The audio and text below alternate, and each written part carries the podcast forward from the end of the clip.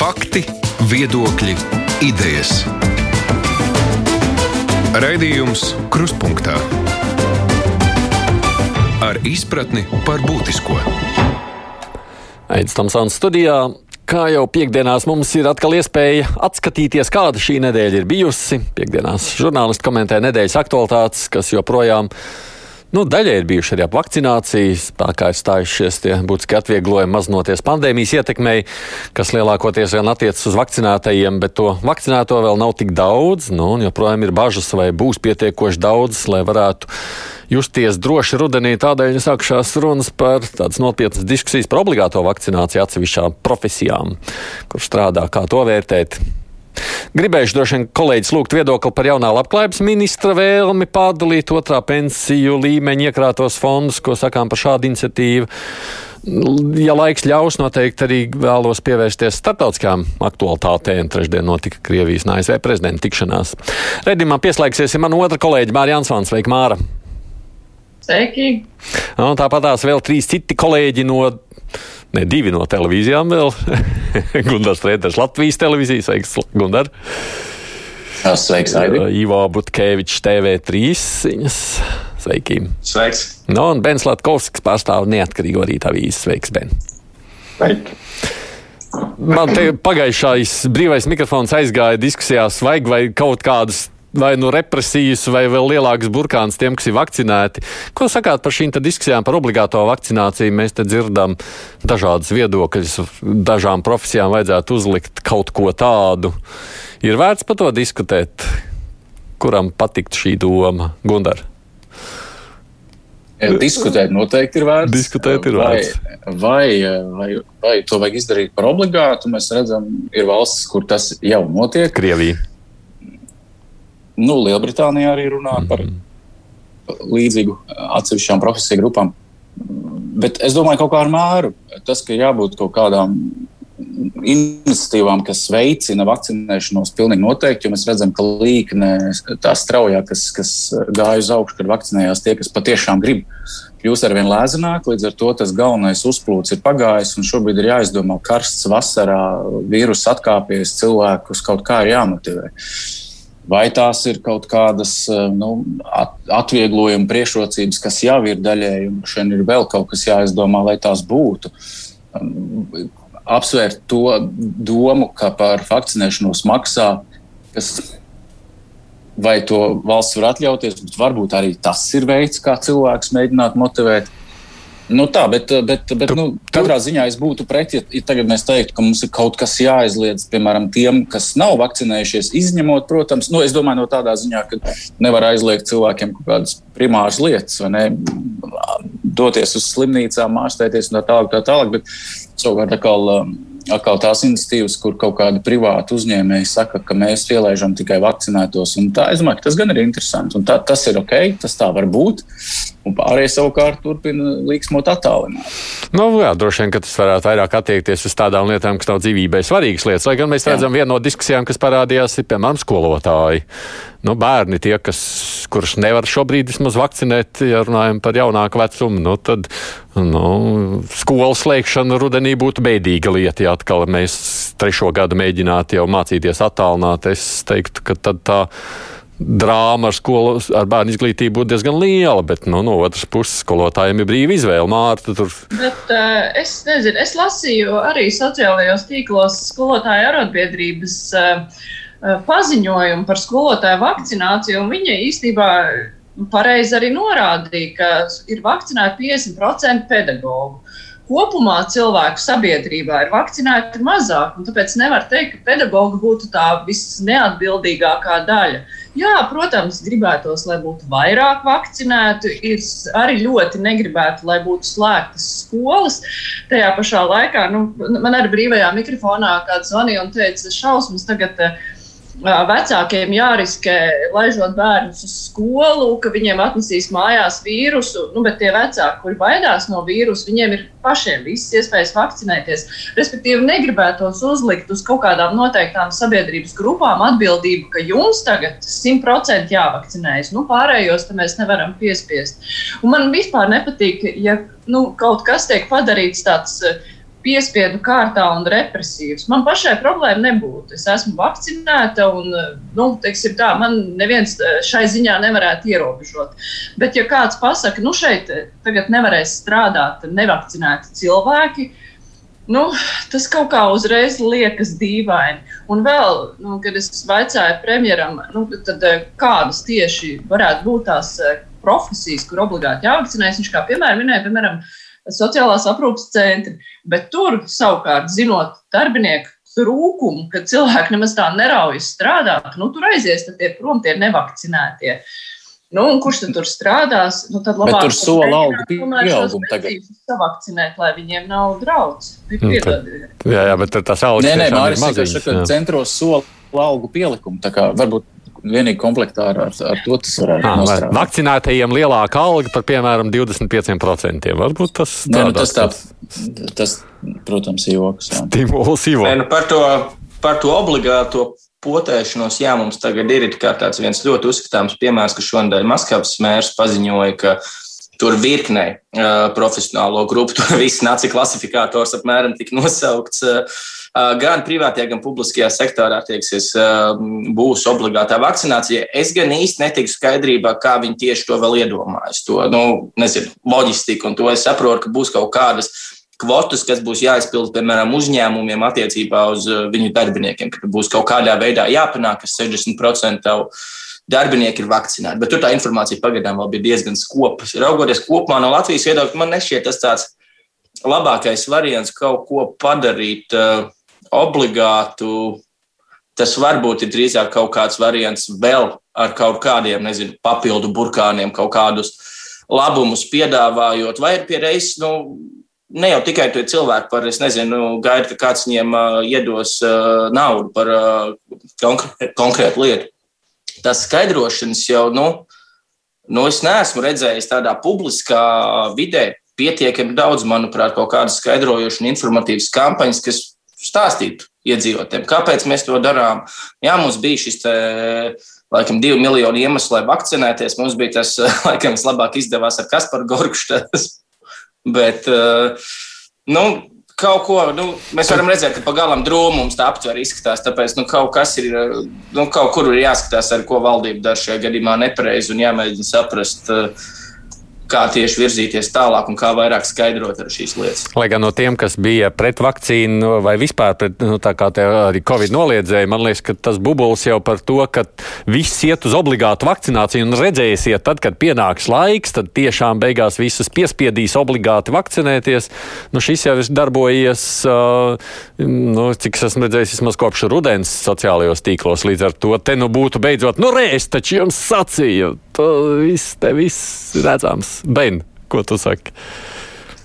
Nu, jāsaka, tā, ka mm, šobrīd tas vakcinācijas vai nevak nevakcinācijas jautājums ir druscīt, manuprāt, pārbīdījies no epidemioloģiskā rakursa uz um, sociālo. sociālo. Um, cilvēki vismaz sociālos tīklos tiek um, zināmā mērā nevis šķelt, viņi paši tā labprāt šķeļās eh, tādos ļoti aktīvos. Gudrajos un muļķos. Mēs vienmēr gudrējam pāriem muļķiem. Jā, tieši tā. Eh, nu, lūk, eh, un šī jūs ļoti precīzi, atz, to precīzi atzīmē gudrajos un muļķos. Un šī tā, tas nostādījums, kad mēs te gudrie, un jūs tur tie dumjie un muļķi. Nu, godīgi runājot, es nedomāju, ka viņš ir uh, veselīgs sabiedrībai kopumā. Es domāju, šeit ne tik daudz no somatiskā viedokļa, cik uh, mentālā. Teiksim, ka sabiedrība tiek šķelta, rīdīta. Manā uztverē es uzreiz pateikšu, tā es esmu simtprocentīgi par vakcināciju, visiem jāvakcinējās un tā tālāk. Tur nav šaubu. Tā pašā laikā šī uh, sabiedrības, uh, kā es viņu tomēr saukšu, segregācija, šķirošana, kad uh, tur es vieni varu, citi nevar, pieņemsim, ieiet kafejnīcā vai apmeklēt uh, koncertu.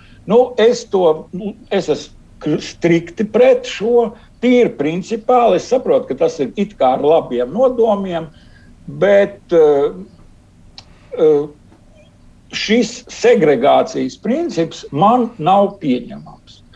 Un, ja kāds tagad mēģina stāstīt, ka kā tad ir ar, ar autovadītāju tiesībām. Nu, tā, jā, man te viena raksts jau ir jau tieši par autovadītāju. Jā, jā, jā tā ir tradicionālais. Te ir ļoti būtisks moments, ka te ir eh, šī secība, procesa secība. Eh, ar autovadītāju tiesībām ir tā, tu piedzimsti bez tiesībām, teiksim, tad, kad es piedzimu, tad apkārt arī bija ļoti maz ar šīm autovadītāju tiesībām. Un tā cilvēkiem augot, attīstoties, tu nopērts mašīnu, iegūst tiesības. Es arī tā iegūstu uh, savā laikā. Un tas viss, kā teikt, ir ļoti normāli un sakrīgi. Šeit ir pretējais process. Es visu mūžu esmu gājis mierīgi kafejnīcās, uz teātriem, kino, skatīties, un tagad man pēkšņi prasa ausvejas. Es saku, man nav problēmas pašam ar šo jautājumu, bet uh, šī ausvejas sistēma, nu, man viņa principā nav pieņemama nekādā uh, situācijā. Nu, nevis nekādā, varbūt, ka ir ja ļoti smaga situācija, tad es saprotu, ka būtu. Bet konkrēti šajā gadījumā, kad uh, ja tu esi vakcinējies, tev jau neapdraud viņš. Nu, es vēlreiz saku, es negribu ieslīgt detaļās, bet princips ir tāds Principāli es šai segregācijai nepiekrītu. Vienīgi par to segregāciju tavu pieminēto sociālajos tīklos, iespējams jau, ka sabiedrībai vajag visu laiku kaut kur nu, no to pašapliecinājumu, ka viņi ir gudrāki par pārējo sabiedrības daļu. Mums jau tas ir nepieciešams. Pirms vakcīnas bija migrācija, jā, tur migrantu uzņemšana vai atbalstīšana, pirms tam mums bija atkal cits. Mēs jau vienmēr atrodam, par ko segregēties. Par ko. Nu, par ko? Tas ir nu, kā... moments, kad šeit arī ir ļoti plaši izplatīta šī ņirgāšanās par, teikt, nu, par tiem muļķīšiem. Un tad jau nav brīnums, ka teiksim, skolās arī aiziet uh, mobbings un tam līdzīgi, jo uh, bērns jau atkārto tikai to, ko viņš mājās redz no vecākiem. Vecāki ņirgājās, tur, oi, tas muļķis, tas tur tic kaut kādām tur uh, čipošaniem, Biljam Geitsiem un tam līdzīgām muļķībām. Nu, bērns aiziet uz skolu, un viņš uzreiz automātiski arī, ah, nu, re, kur viens muļķīts, ko apņirkt. Nu, tā arī tas mobbings rodās. Un tad mēs te brīnamies, ka sabiedrība nav īsti mentāli vesela. Mm. Tā ņirgāšanās jau gan noteikti no abām pusēm. Ir vienkārši cilvēki, kuri Es neesmu dzirdējis, ka kaut, kaut kāda aktīva, es vispār tos antivakserus neredzu, es viņus nemanu nekur. Es pat neesmu viņus godīgi runājot dzirdējis. Manā burbulī viņi nav Facebookā, es tikpat kā nē. Tev gan šķīsts burbulis. Nav. Uh, un es neesmu dzirdējis, ka viņi ir gātos. Vai tad par to viņi ir gājās? Viņi ir gājās, kad, oi, jūs duraciņi tur, jūs neticat. Jā, jā, jā, ne, viņi, viņi, viņi devē mūs par lēticīgiem, protams, savukārt tā ir cita opēta. Jā, jā, jā. Nē, nu labi, tas viss tā arī varētu būt, bet nu, tā, tā cilvēka daba ir, ka viņiem gribas sadalīties un kaut kādā mērā pašapliecināties. Bet, nu, runājot par tiem mm, Bena pieminētiem atvieglojumiem, kas ir stājušies spēkā, Uh, Bens saka, viņš arī pret to ir. Uh, nu, šobrīd ir tā, lai tu gribi. Jā. Kaut kur aiziet uz kino, tev ir mm, vai nu jāvakcinējas, vai nērtības lielas. Es gan šajā gadījumā tā neuztrauktos par to, vai kāds nevar aiziet uz kafejnīcu vai uz kino, jo tās nav lietas, uh, kas ir nu, principiāli nepieciešamas. Varbūt tas man nestrauc, tāpēc, ka es pat neesmu liela kafejnīca vai kino gājēja, bet nu, tās nav tādas lietas, kas ir svarīgas dzīvei. Es sāku uztraukties tad, kad ir runa par uh, lietām, kas ir svarīgas dzīvē. Tās, tas ir darbs, piemēram, ka cilvēks varētu zaudēt darbu, tāpēc, ka viņš nav vakcinējies. Šajā brīdī gan es kļūstu uzmanīga. Jo, nu, protams, ka Covid situācija nu, tas nav tā kā parasti. Te var parādīties visādi izņēmumi, un tajā skaitā arī kaut kāda dalīšana, kurš tur var tikt uz kafejnīcām, kurš nevar. Mēs visi netikām uz kafejnīcām ļoti ilgi. Nu, tad kaut kāds burkāns vakcinētiem varbūt arī ir vajadzīgs. Bet, eh, bet eh, nu, jā, kā jau minēju, tajā brīdī, kad ir tādas būtiskas lietas, lai tu varētu turpināt normāli eksistēt, ja tās tiek skartas, tad uh, man tas sāk nepatikt. No. Nu, man ir kā mana tādā ziņā patīk tā ideja, ka vai no nu vakcinēts vai uzrāda negatīvu testu. Restīvi dodam iespēju gan, gan. Ja tu uzrādi, ka tev ir bijis negatīvs tests, kas, protams, tur nav precīzi līdz un kas pašam jāmaksā, un, pagaid, un, tas, kas, Vispār, paša, un kas pašam jāmaksā, ko kas, saka Kariņš? man patīk pašreizējais variants, ka mēs kaut kādu laiku šajā inerces posmā vēl atstājam valsts apmaksāt, bet pēc tam ir pašam jāmaksā. Jo nu, nevajag jau izlikties, ka tāda segregācija nekad nav notikusi. Atvainojos, ja kāda bāra īpašnieks nevēlējās, lai konkrēts subkultūras pārstāvis treniņu tērpā nāk pie viņa, bija tās augtais face controls, un viņi tāpat nelaid iekšā. Mēs atcīm, nav tā, ka vienmēr visi ir staigājuši, kur viņi grib un tādā garā. Bet idejas, ka man šķiet, ka to iespēju vajadzētu dot uh, visiem, tātad vai nu tu esi portēts, vai nu tu vienkārši uzrādi šo negatīvo testu un uh, arī vari piedalīties. Nu, es jau te aprēķināju, ja, piemēram, mana ģimene grib aizbraukt uz ārzemēm un saka, ka es nevakcinējos, bet es testējos. Nu, tā kā ceļojumā, tad tie ir papildus kaut kādi 600-700 eiro man uzreiz, kas ir, oh, jāsāk apdomāt, vai vērts maksāt. Gundar, ko tu saki?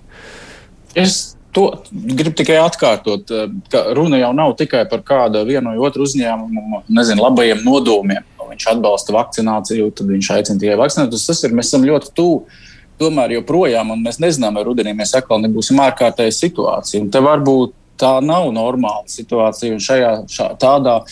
Tādā, tādā brīdī šādi, nu, saucam tos par burkāniem, priekšrocībām tie, kas ir vakcinējušies, manuprāt, pilnīgi normāli, absolūti normāli. Un tur runāt par segregāciju, Piedodiet, tur tiešām ir jautājums, tad, kad mēs runājam par darbu, iespēju, vai es nerunāju nemaz par pirmo palīdzību un citām vitāli svarīgām lietām. Tas ir visiem nodrošināts, vakcinēts vai nevakcinēts. Viss pārējais mums ir, un, un tas, es domāju, ka tas ir pareizi. Tu vari vieglāk ceļot, tu vari vieglāk izklaidēties, ja tu esi vakcinēts. Tas ir, manuprāt, vienīgais veids, kā šobrīd pārliecināt tos cilvēkus, kas nevakcinējas, vai vismaz kas svārstās. Es domāju, ka tas ir pareizi, un, un jo citu ceļu, jau kāda vēl var būt ceļa. Mēs varam tur stundām runāt, ņirgājās viens par otru, un otru. Nu, nu, tieši nu, pareizi tur ir no, uz abām pusēm. Iet šobrīd tas, tie, tie, tie stāsti, kurš ir lēticīgs un kurš nav lēticīgs, bet, bet normāli instrumenti, kas veicina, veicina kopēju imunitāti sabiedrībā, tas ir tikai apsveicami.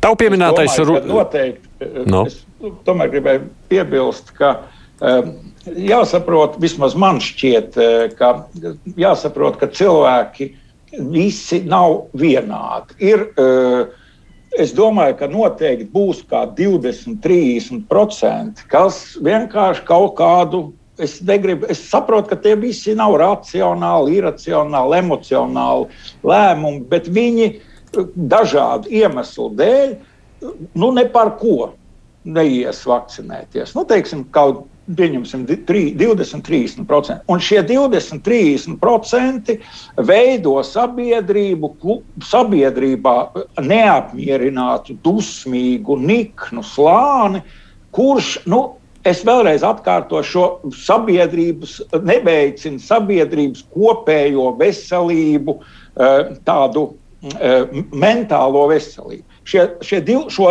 šo cilvēku Uh, iedzīšana kaut kādā rezervātā, ka viņš nevar viņš iet tur un tur un visur viņam prasa to ausveisu. Nu, es, es vēlreiz saku, es uzskatu, ka principiāli, es vēlreiz saku, nav runa par labiem vai sliktiem nodomiem un tam līdzīgi. Iet runa par principu. Un šeit, ka runā, ka tas jau nav vitāli. Es pie, piedošanu, Amerika, tas ir teiksim, kaut kur Amerikā, jā, savā laikā uzraksta plāksnītes uh, tikai baltajiem, white only. Ar faktiski, nu, var teikt, nu, vai tad viņam jāiet obligāti tajā kafejnīcā, kur taču ir kafejnīca melnajiem.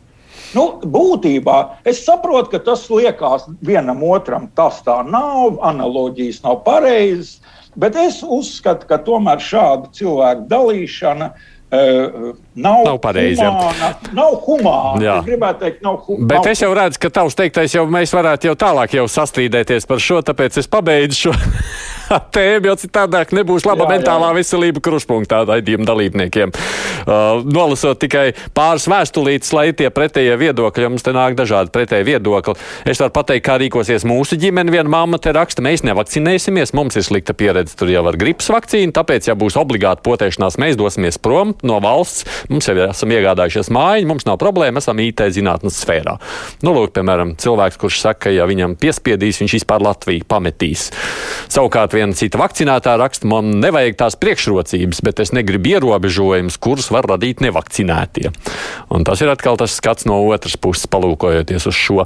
Un pie šī aspekta, turpinot šo sarunu, fiskālā padome ir sacījusi tā, ka vajadzētu tomēr valdībai gatavot vēl vienu budžeta variantu ar domu, ka rudenī tomēr taisās ciet viss, jo situācija epidemioloģiski paliks rudenī sliktāk. Šo variantu vajag atstāt kā opciju, kā iespēju un gatavoties tam. Ko jūs sakāt? Vajag šo atstāt valdībai kā iespēju un gatavoties šādam pesimistiskākam scenārijam budžeta gatavošanās? Es mazliet uz finansiālo pusi gribu pagriezt to jūsu domāšanu. Redzu, ka aizdomājāties, bet kādam no jums es būs jāsāk. Es neko nedomāju. Es uzreiz varu pateikt, manā uztverē, uh, varbūt, protams, var, uh, visos gadījumos ir jāsagatavo arī plāns B un C. Un, uh, šāds variants var izstrādāt, bet es domāju, varbūtība, ka rudenī varētu atsākties kaut kāda plašāka, e, e, pasliktināties epidemioloģiskā situācija, situācijā, ka tomēr, es domāju, līdz rudenim būs vismaz 50% novakcinējušies, ja ne vairāk, e, nu, es neredzu. Tu tā kā teikt, ka nav aktīvo? Es domāju, ka šeit ir jāparaugās. Protams, vienmēr vajag sagatavoties pesimistiskākiem scenārijiem. Tas būtu tikai racionāli. Es ceru, ka finanšu ministrijā to dara. Un, ja es nekļūdos, to arī viņi dara. Un ir kaut kādas prognozes, kas izstrādātas ar attiecībā uz negatīvākiem scenārijiem, kas potenciāli ir rudenī. Taču mans bažas ir bijušas vairāk citas. Ja mēs nerunājam tikai un vienīgi par slimnīcu kapacitāti, kur es ceru, ka būs krietni paaugstināti jau esot rudenī. Ja mums ir potēšanas sokas kā sokas, tad kāds ir mērķis aizvērt visu šajā gadījumā?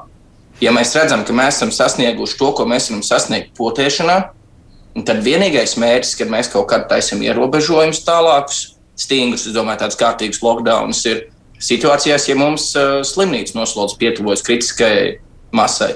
Jo nav jau jēgas visu laiku spiest to pagaidīt podziņu uz modinātāju, cerībā, ka viss tagad sapoties. Ja mēs redzam, ka cilvēku vairāk nav, nu tad Nu, piedodiet, cilvēki mīļie ir jādzīvo tālāk, un, protams, jāstāsta uz uh, veselības aprūpas sistēmas kapacitāti, kas var ieviest kaut kādus potenciālus ierobežojumus. Mm. Nosakot, nav jāglābj tos, kas negrib, ka viņi jāglābj. Apmēram tā. Nu, labi, Gundar. Nu, Droši vien, ka nevis droši vien, bet plāniem ir jābūt noteikti. Pagājušajā gadā mēs atceramies, arī vasarā jau likās, ka Latvija ir vispār izcilniece. Un, un, man liekas, šajā studijā pat runājam, cik veiksmīgi esam tikuši pāri. Un, un tā jau ir tas, ko Bens teica, 23%, kas ne par ko nevakcinēsies. Lūdzu, bet, eh, bet sasniedzam tos 23%. Mēs šobrīd esam 30% tikai vakcinējušies, 70% nē. Eh, līdz vasaras beigām, redzot visus tos vīrusa paveidus un, un, un to, kas notika pagājušajā gadā, es esmu, man tur nezinu, nu, nekas eh, neliecina būt ļoti lielam optimistam pie šādiem vakcinācijas tempiem. Plus, plus ka mēs redzam tur ziņojumus arī no Lielbritānijas, kur strauji pieaug šobrīd. Arī inficēto skaits ar visu jau krietni lielāko procentu, kas ir novakcinējušies. Tur kaut kāds jauns variants, delta variants, kas, eh, Indijas, kas, kas, Un līdz ar to man, nu, kā nespeciālistam, es neko citu nevaru teikt, bet tas, ka jābūt ir variantiem, kas notiek, ja atkal notiek, pilnīgi, pilnīgi noteikti. Pilnīgi noteikti. Saka, jāstrādā tajā virzienā arī, jā, Māra. Es nezinu līdz galam, ko nozīmē sagatavot B budžetu. Nu, tāpēc, ka finanšu situācija. Paredzētu, vai tas paredzētu, ka mēs visu aiztaisam, maksājam kaut kādas kompensācijas vai ko. Es nezinu, man šķiet, ka šajā gadījumā jāpiekrīt Tivo, ka, nu, mēs nevaram īsti salīdzināt pagājušo rudeni ar uh, nākamo rudeni, jo pirmkārt vakcinācija iet uz priekšu, otrkārt nu, mēs nevaram visu apturēt uh, bezgalīgi. Ir, jā, ir jāstrādā tālāk un domājot arī nu, jā, nu, par, tie, par to, ka cilvēkiem ir bijusi iespēja vakcinēties. Un, eh, nu, galvenais ir slimnīcu iespēja uzņemt pacientus. Nu, nu, kaut kā tā. Un es, eh, nu, es esmu optimistiskāka domājot par nākamo rudeni nekā par pagājušo. Jo pagājušajā vasarā nu, tur jau nu, gan bija skaidrs, ka tik viegli tas nebeigsies. Tāpēc nebija saprotams, kāpēc mēs tam negatavojamies. Tas optimisms nebija saprotams. Šajā situācijā situācija, manuprāt, ir labāka nekā pagājušajā gadā. Jo, ir reāla vakcīna un tā darbojās. Protams, ja nāk kaut kāda jauna katastrofa ar eh, jaunu vīrusu variantu, to, to, to mēs nevaram prognozēt īsti. Nu, vienīgais, ja, es redzu, ka te mums nākošie braucēji prom jau raksta. tas mums tāds uh, pazīstams trends. Ilze raksta, jā, bērni nedrīkstēs rudenī apmeklēt skolu, mūsu ģimene brauks prom. Sakot tā, Gundar. Ne, jā, ja var piebilst, protams, ka ar, ar ko varētu salīdzināt to rudeni un šo rudeni, mums noteikti nevajadzētu atkārtot tās kļūdas ar, ar tiem ierobežojumiem biznesam un, un, un veikalos, kā, kā tas bija pagājušā rudenī. Būtu jābūt daudz nu, teiksim, drosmīgākiem, uzticēties uh, uzņēmējiem, kas var nodrošināt uh, vajadzīgos epidemioloģiskās prasības, nevērt visu cietu par to, ja tā ir gatavošanās plānam B, pie nosacījuma, ka iet uz līkni uz augšu, tas ir arī, arī, arī, arī ļoti daudz. Tas nenozīmē uzreiz finansiālu atbalstu, bet varbūt nu, jau sagatavot šos. Nu, priekšrakstus, kā mēs darbosimies, ja atkal līkne uz augšu, bet mēs negribam visu aiztaisīt. Tā skaitā varbūt arī sporta zāles un kaut ko citu. Nu, redzot to, ko pandēmija nozīmē ekonomikai, šis jautājums ir aspektā vēl viens parādījies aktuāls šajā nedēļā, ir runa par ēnu ekonomiku. Un tāpēc papriekš atgādināšu, kas man runā, lai tie, kas ir pieslēgušies tikai audio variantā, zina, un tad arī turpina par šo. Mārija Ansone, mana kolēģi no Latvijas televīzijas Gunārs Rēders, Ivo Butkevičs no TV3 un Bens Latkovskis no NRA. Raidījums Krustpunktā. Tas pieaugums, ko rāda šobrīd nu, indikācijas, ka ēna ekonomika ir pieaugusi, jo aploksņa algas ir pieaugušas šajā laikā. Negaidīta ziņa vispār, ko ar to visu darīt, jo mēs jau taču it kā tā jau neesam bijuši tie labākie skatoties uz kaimiņu valstīm aspektā šajā. Ko tagad darīt? Puse, kas, tur, kas tur negaidīts? Jo, pirmkārt, mēs labi redzējām, ka arī pandēmijas laikā biznesa tomēr centās kaut kādā veidā darboties. Acīm redzot, tas notika ar aploksņu palīdzību, jo citādāk, ja kaut kas ir aizliegts, tad tas nevar strādāt. Nu, un otrs ir, nu, es pieļauju, ka arī nodokļu reforma dod. Nu, protams, ka tās sekas mēs vēl redzēsim, bet tā arī var dot savu pienesumu. Jo tas jau arī ir radī, radījis laikā, kad pieņēma šo nodokļu reformu. Daudz jau uzņēmēji teica, ka tas palielinās ēnu ekonomiku. Nav jau brīnums, ja kāds varbūt gatavojoties tam jau laikus pāriet uz ēnu. Hmm. Es nebrīnos katrā ziņā. Ko ar visu šo ziņu darīt tagad? Ja, patiesībā man liekas, lai nu ko, bet valdībai šo vajadzētu likt kā vienu no tādām galvas sāpēm, kas jārisina. Es pateikšu savu viedokli par attiecībā par šo pētījumu un par šiem skaitļiem. Tu esi skeptisks. Eh, es pateikšu uzreiz, es esmu ļoti, mm, es vienmēr esmu ļoti uzmanīgi izturējies pret skaitļiem. Statistika man ir ļoti tuvu un mīļa. Es tai vienmēr ticu. Un, eh, Šajā gadījumā par šiem 21% ēnu ekonomikas man ir nu, tā, ļoti liela skepse. Eh, es uzreiz pateikšu, kāpēc. 20%, 20%, 20% sauksim to tā. Eh, no Latvijā ir 30 miljardi IKP, 20% ir 6 miljardi Tā ir milzu summa, 20%. 20% Latvijā it kā esot ēna ekonomikas. Es uzreiz jautāšu, kur ir šie 20%? Es šo jautājumu esmu uzdevis arī savā laikā, runājot ar vidu direktoru Ievu Jaunzemi. Viņa saka, ka jā, tur ir sektors, kuros sektoros būvniecība.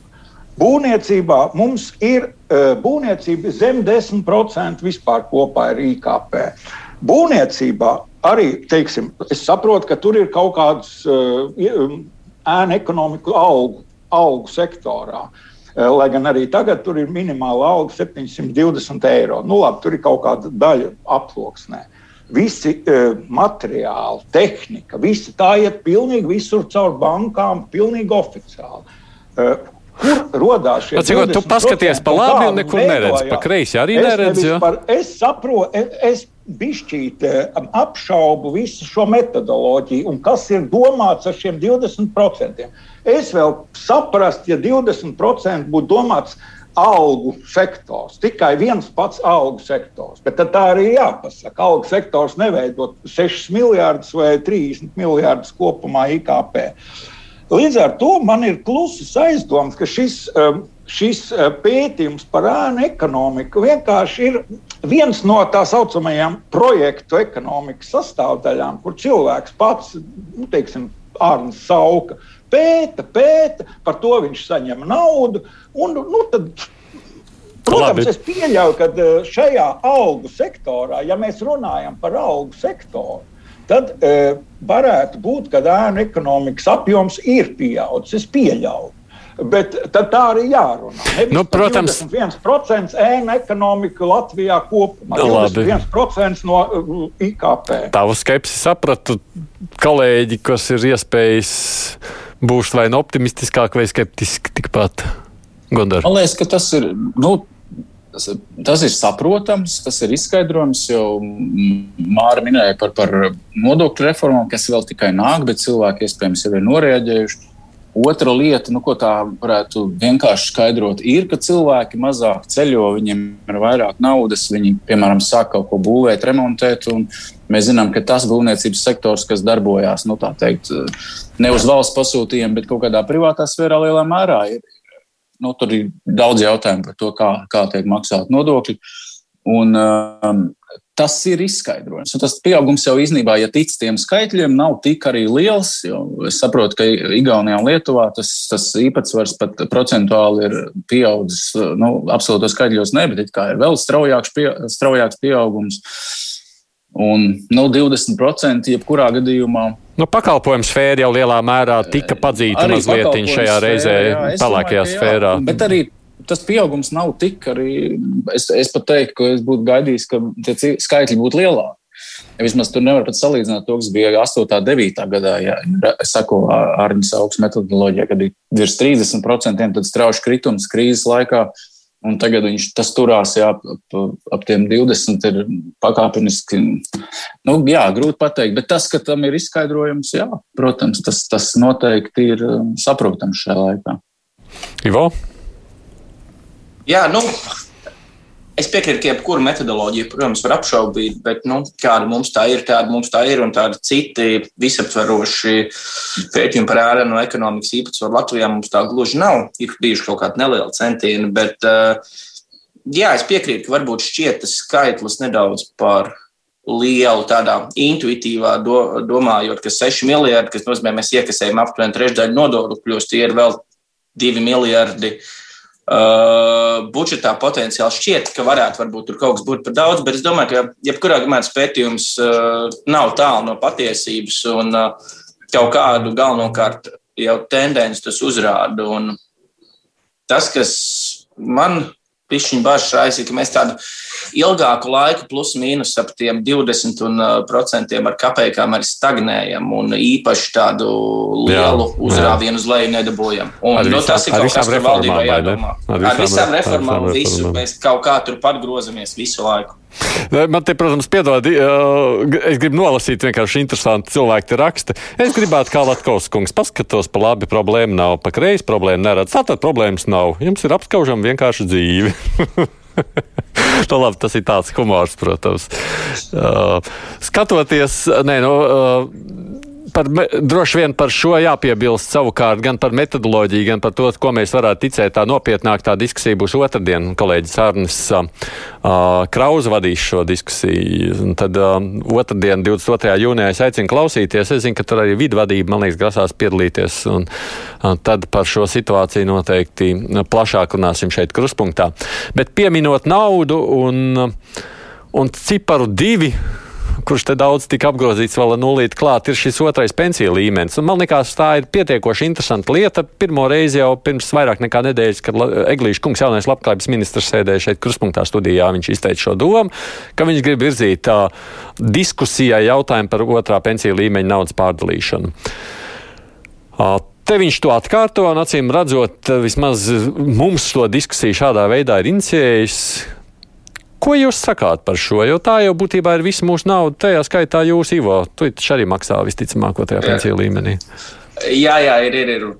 Īstenībā dažkārt interesanti ar jauno konservatīvo partiju pastīties. Uh, nu, kur tad izpaužas tas konservatīvisms viņu kaut kādā ekonomiskajā, fiskālajā politikā? Jo nu, tērētāji ir viena no lielākajiem no ekonomikas stimulētājiem šajā gadījumā. Uh, nu, šī būtu arī jāraksturo kā nu, galīgi nekonservatīva ideja. Tas tāds varbūt vairāk īstermiņa kaut kādu caurumu aizlāpīšana, kas uh, paņemot no nosacīt nākotnes uzkrājumiem un nu, izmaksājot uh, šobrīd, mm -hmm. ne gan fiziski naudu, bet uh, idejisko sadalījumu. Pašreiziem pensionāriem nu, atdodot. Tas, jā, jā, jā nu, tas ir. Nu, Nu jā, nu tas kaut kādas pašreizējās problēmas atrisina, bet tas vēl padziļina tās problēmas, kas mums solās būt tālākā ceļa galā. Un, uh, Tāpēc jā, es dažkārt domāju, kur viņiem tas konservatīvisms izpaužās ekonomiskajā un fiskālajā blaknē. Bet tas, kas ir viennozīmīgi, manuprāt, ļoti labi, ka mēs esam kaut kādā veidā aktualizējuši šo diskusiju, Latvijas banka arī šonadēļ bija rēķinājusi un paziņojusi, ka, nu jā, ja pašreizējā ja mums tas pensijas apmērs pret ienākumiem pat labāk ir aptuveni 40% pensiju pret ienākumiem, kādi tie ir bijuši, nu tad pēc gadiem 20 tie būs jau 20% tikai. Nu, tā ir lieta, kur ir. Nu, Tur būs kaut kādas fundamentālas reformas nepieciešamas, uh, lai šo risinātu. Nu, Varbūt var sākties ar šo ministru. Sakot, tu neesi gatavs atdot savu pensiju, nākotnes savu pensiju. Nu, kam varētu atdot no mums? Vairāk bērnām tuvāk eh, viņš jau ir. Man, es, kā es esmu tuvāk pensijai, jā, jā. es šo jautājumu arī varu Man, man tā kā gandrīz vislielākās tiesības izteikties. No jā. Eh, nu, ne, tiesības visiem. Eh, tātad ar to pensiju jautājumu ir ļoti ļoti, es teiksim tā, eh, varbūt daļai nepiekrītot Eglīša kunga uzstādījumam, kurš bija arī ļoti neskaidrs, un viņš arī neprecizēja pēc tam. Līdz ar to mēs te drusku tā varam taustīties tumsā, ko viņš bija patiesībā domājis, kas ir izrauts no konteksta un tā tālāk. Bet kopumā ņemot, jāsaprot, ka pensiju sistēma Latvijā ir um, ļoti Nu, kā lai to saka, jāsaprot, kāda situācija vispār izveidojās. 95. gadā Latvija centās ieviest uh, no Austrālijas atbraukušais trimds Latvijas Jānis Ritens, bija šīs pensiju idejas autors, ieviest tādu ļoti modernu, taisnīgu uh, pensiju sistēmu. Un viņi it kā arī ir, bija ļoti taisnīgi un moderni, tikai vienu nosacījumu. Viņš pat Austrālijā nevarēja tādu ieviest, lai arī tur bija ilgstoši stabila, veselīga ekonomika. Mums Latvijā 95. gadā ekonomiskais stāvoklis bija ļoti smags. Vidējā alga bija 125 eiro uh, brutto uz, uz papīra. Eh, daudz tas bija vidējā, daudziem bija 100 eiro, zem 100 eiro. Daudzi strādāja tādos uzņēmumos, kas nemaksāja nekādas sociālās iemaksas. Nu, respektīvi, situācija bija uh, nestabila, tā varētu teikt. Un uz šīs uh, nestabilās bāzes tika veidot tāda ļoti progresīva, moderna, uzkrājošā pensiju sistēma.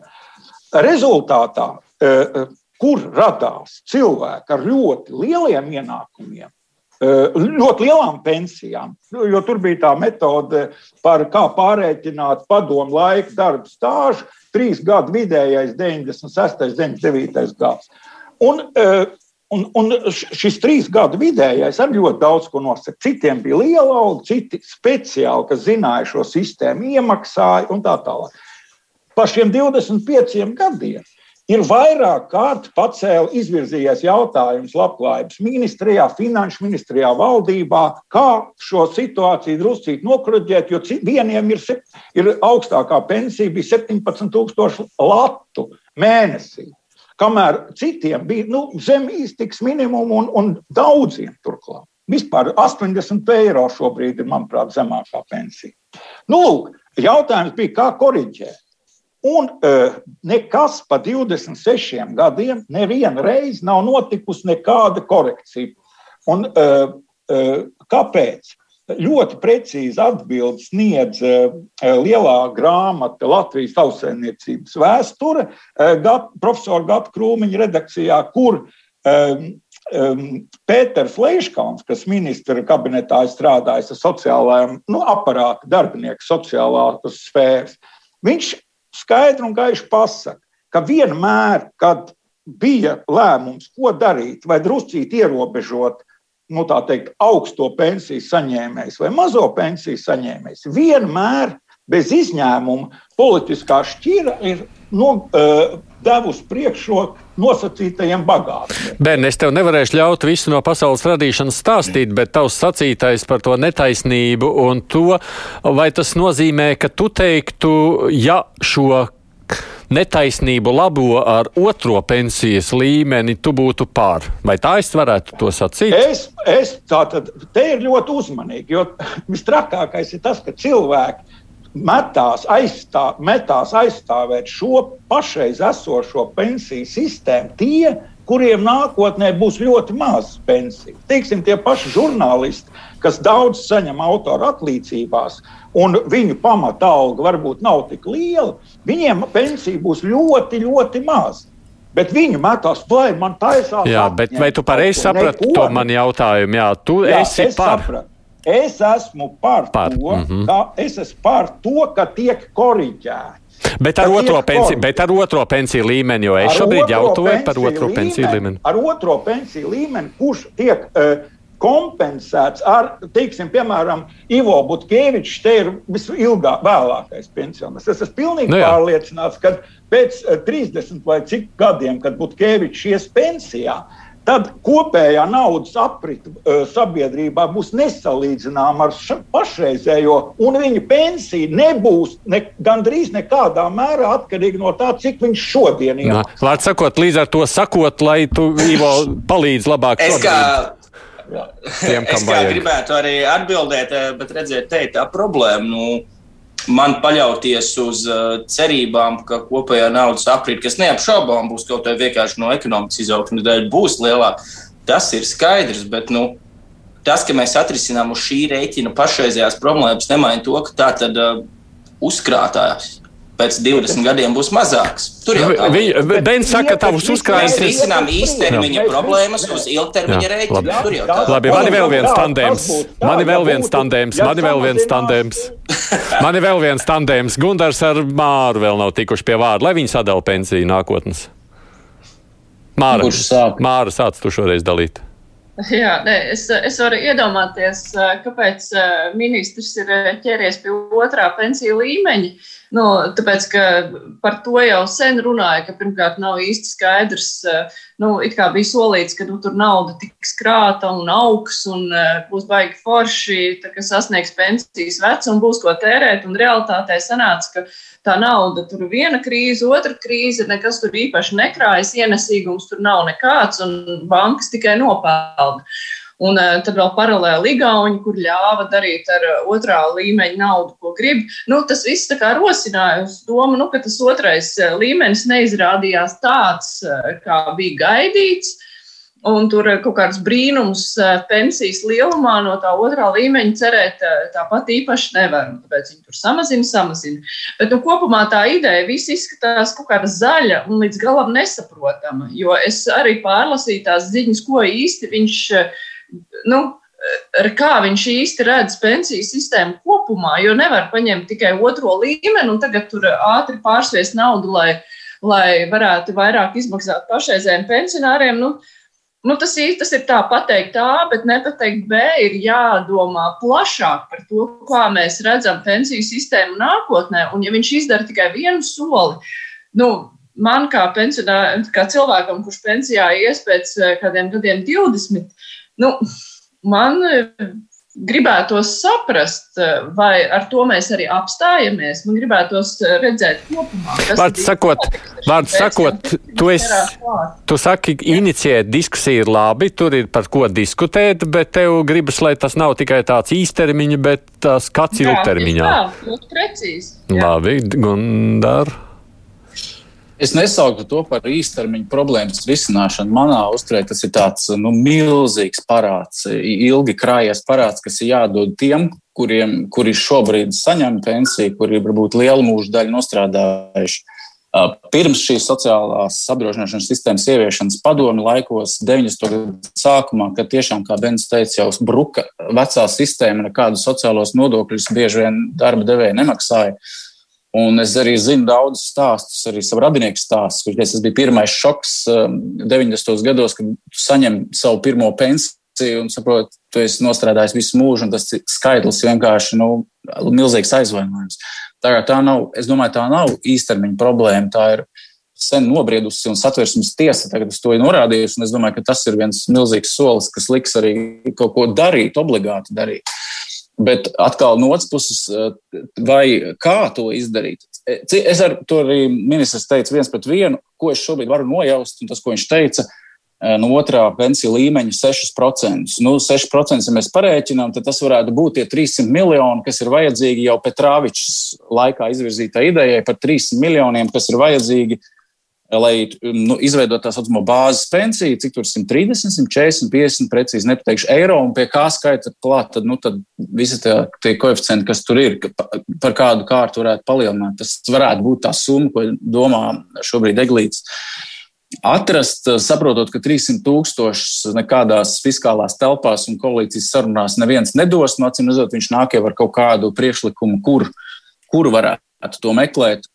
Un, um, un, nu, jā, un tas ir atkal par to konservatīvismu. Pagaidām jau labklājības ministrs neko jaunu nav izdomājis. Viņš ir iet pa pēdām tam, ko ir, eh, ko ir sākusi darīt iepriekšējās ministrijas laikā. Ministrija ir sākusi darīt, ieskaitot šo nosacīto pensiju palielināšanu tiem, kas tagad saņem, tieši šobrīd saņem.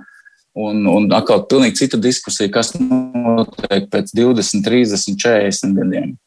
No to, ka tā ir gara un ļoti sarežģīta diskusija, to, nu, protams, skaidrs, tur ir liels intereses tajā. Tur ir liels naudas, kas apgrozās, un tur ir, protams, banku interese, tur ir, tur ir tur, tur to iesaistīto pušu ir pietiekoši daudz. Tā kā šī pilnīgi noteikti mēs varētu sacīt, tās mēs tikai parādām nu, tās diskusijas sarežģītību, vai līdz kādam rezultātam nonāks. Tas, es domāju, līdzīgi kā pats Seglīšs kungs ir izteicis tādas šaubas, vai ne, vai, vai tas varētu realizēties. Es domāju, no, tur jau šīs šaubas arī mums varētu būt māra. Bet viena lieta, kas tomēr mani iepriecina, ka beidzot sāk domāt par to, ka ka cilvēkiem pensijas šobrid ir jāpalielina. Nu, tādā ziņā, ka visu laiku ir bijis tā, nu, nu jā, mēs zinām, ka pensionāri saņem maz, mēs to visu saprotam. Tajā pašā laikā nu, nav naudas. A, kur mēs ņemsim naudu? Nu, tas kaut kā tā vienmēr ir bijis automātiski aizslaucīts, ka nav naudas. Mēs nevaram pensionāru daudz, un e, visiem iedos drusciņu, un tur vajag briesmīgi naudu. Un par to īsti nav domāts, nav diskutēts. Un labi, ka pēdējos gados, un arī pateicoties satversmes tiesas spriedumiem, par to tiek domāts, ka nav normāli, ka cilvēki saņem tik mazas pensijas. Jo tas ir līdz šim bijis tāds tabū temats. Jo Nu, to nevar atļauties. Visi nerunājam. Es teicu, raidījuma sākumā, ja man būs laiks, mazliet par starptautiskiem notikumiem gribēju parunāt. Četras minūtes skaitās laiks. Ko domājat par Putina un Baidena vizīti? Nu, viņa tomēr diezgan interesanta mums šķiet, tāpēc, ka Putins tepat līdzās. Kurš ir gatavs par starptautiskajiem notikumiem vairāk parunāt? Māra, tu vispār Krieviju labi pārzini. Nu, ne, nebrīnies tā, ka tu neko nezini par Krieviju. Kaut ko jau zinu, kaut ko jau lasu. Nav tā, ka es arī tik labi pārzinu, bet nu, šī, visi, šī tikšanās neko jau tādu dramatisku labus pavērsienus arī nenes. Jo, ja tur eh, bija gaidīts, ka nu, Baidens kaut ko tādu pateiks aiz slēgtām durvīm, ka Putins izlaidīs Navaļnī, nu skaidrs, nu tā nebūs. Tajā pašā laikā, protams, nu, bija tā nu, interesanti redzēt, ka tas, ka Putins atradās svešā teritorijā, teiksim, preses konferences, kur nav viņa štata runātāja kaut kāda savākt, kur viņš tur var izvērsties par sasniegumiem, viss tik labi. Nu, nu, ka šeit viņš bija tā kā citā teritorijā, citā laukumā, un bija tāds sajūta, ka viņš ir drusciņi pierāvies. Bet nu, kopumā jau tas neko īpaši lielu nemaina. Nu, parunājās, jā, nesakāvās, skaidrs, politiķi jau nesakaujās. Bet, eh, nu, bet man liekas, ka nebija arī gaidīts nekas vairāk par konstruktīva saruna, nu, vai kā tur parasti tie, tie diplomātiskie vārdi. Nu, kad nekas vairāk arī tur nebūs. Mm. Ko cits saka par to? Expectācijas bija tik mazas, tik mazas ka visi palika, var teikt, apmierināti ja mēs runājam par Puķina preses konferenci, tad nu, tur gan es teikšu, tā, ka tur bija, bija ļoti daudz viņa, kā teikt, tie, klāt, tie propagandisti. Eh, un eh, viņš tur jutās kā zivs ūdenī tajā preses konferencē. Var teikt, ka Putins, protams, bija apmierināts, jo viņš sasniedz to, ko viņš gribēja. Ar, viņš, ar viņu runā, viņš fotogra, ar viņu fotografējās, ar viņu runā gandrīz kā ar līdzīgu. Nu, tas ir tas, ko um, Putins tik ļoti grib.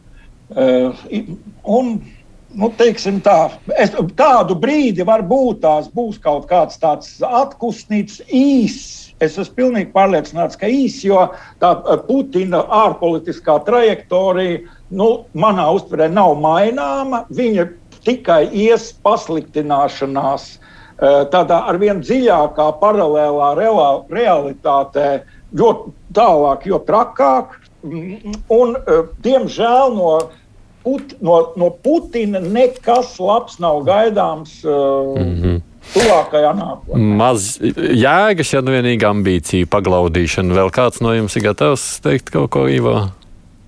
Nu, jā, jāpiekrīt Mārai, ka varbūt atmetot to simbolismu un šova elements, kas nenoliedzami bija interesanti tiem, kuriem interesē ārpolitika, bet tāds sausais atlikums jau nav diži liels. Tur. Var vienkārši ieskicēt, varbūt ātri, kas tur bija. Tie varbūt trīs lielie bloki vēstnieki atgriežas, uh, abās valstīs, kas, nu, kas mums no tā, mm -hmm. bet uh, kaut kādas diskusijas potenciāli sāksies par um, kodolbruņojumu kontroli un kaut kādas konsultācijas par uh, kiberdrošības jautājumiem. Es saku visur kaut kādas, jo tieši tik specifiski tika apmēram beigās pateikts par uh, to, kas tur īsti šajās jomās noriks. Nē, nu, varbūt nu, kaut kāds nu, minimāls, minimāls solīts kaut kur pretim ir spērts uz kaut kādu varbūt atkal nesabļaustīšanos uh, otrpus okeāniem, bet uh, varbūt nedaudz mierīgāk sarunāšanos. Bet, jā, Nu, tas, kā īstenībā teica, jā, Bens, tās uh, expectācijas bija tik mazas, ka laikam tur īpaši neko nevarēja citu. Gundārs to arī tikpat sarežģīti piepildīt. Gundārs to tikpat skeptisks par rezultātu.